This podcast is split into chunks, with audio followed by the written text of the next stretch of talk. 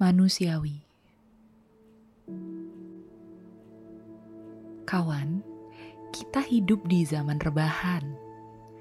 Rebahan memang manusiawi, tapi bukan sifat yang abadi yang harus diberi toleransi. Rebahan boleh, sebatas meluruskan pinggang, menarik nafas, dan rehat sejenaklah dari tugas-tugas duniawi. Rebahan bukan ajang lupa diri. Memanusiakan orang lain adalah sebuah pilihan. Menoleransi orang lain adalah sebuah keharusan.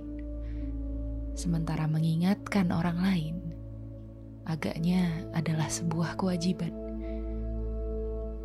Memang tak bisa dipungkiri, manusia lebih suka dipuji, bukan dimaki-maki.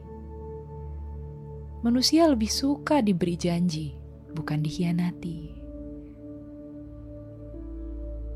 Manusia lebih suka mandiri, bukan sendiri.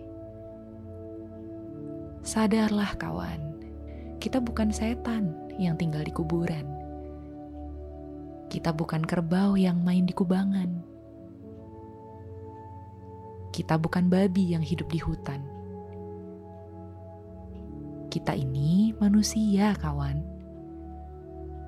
Maka mari sama-sama toleransi agar semuanya lebih terkendali.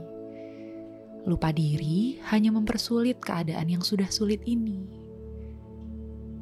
Kita jangan sampai hilang kendali.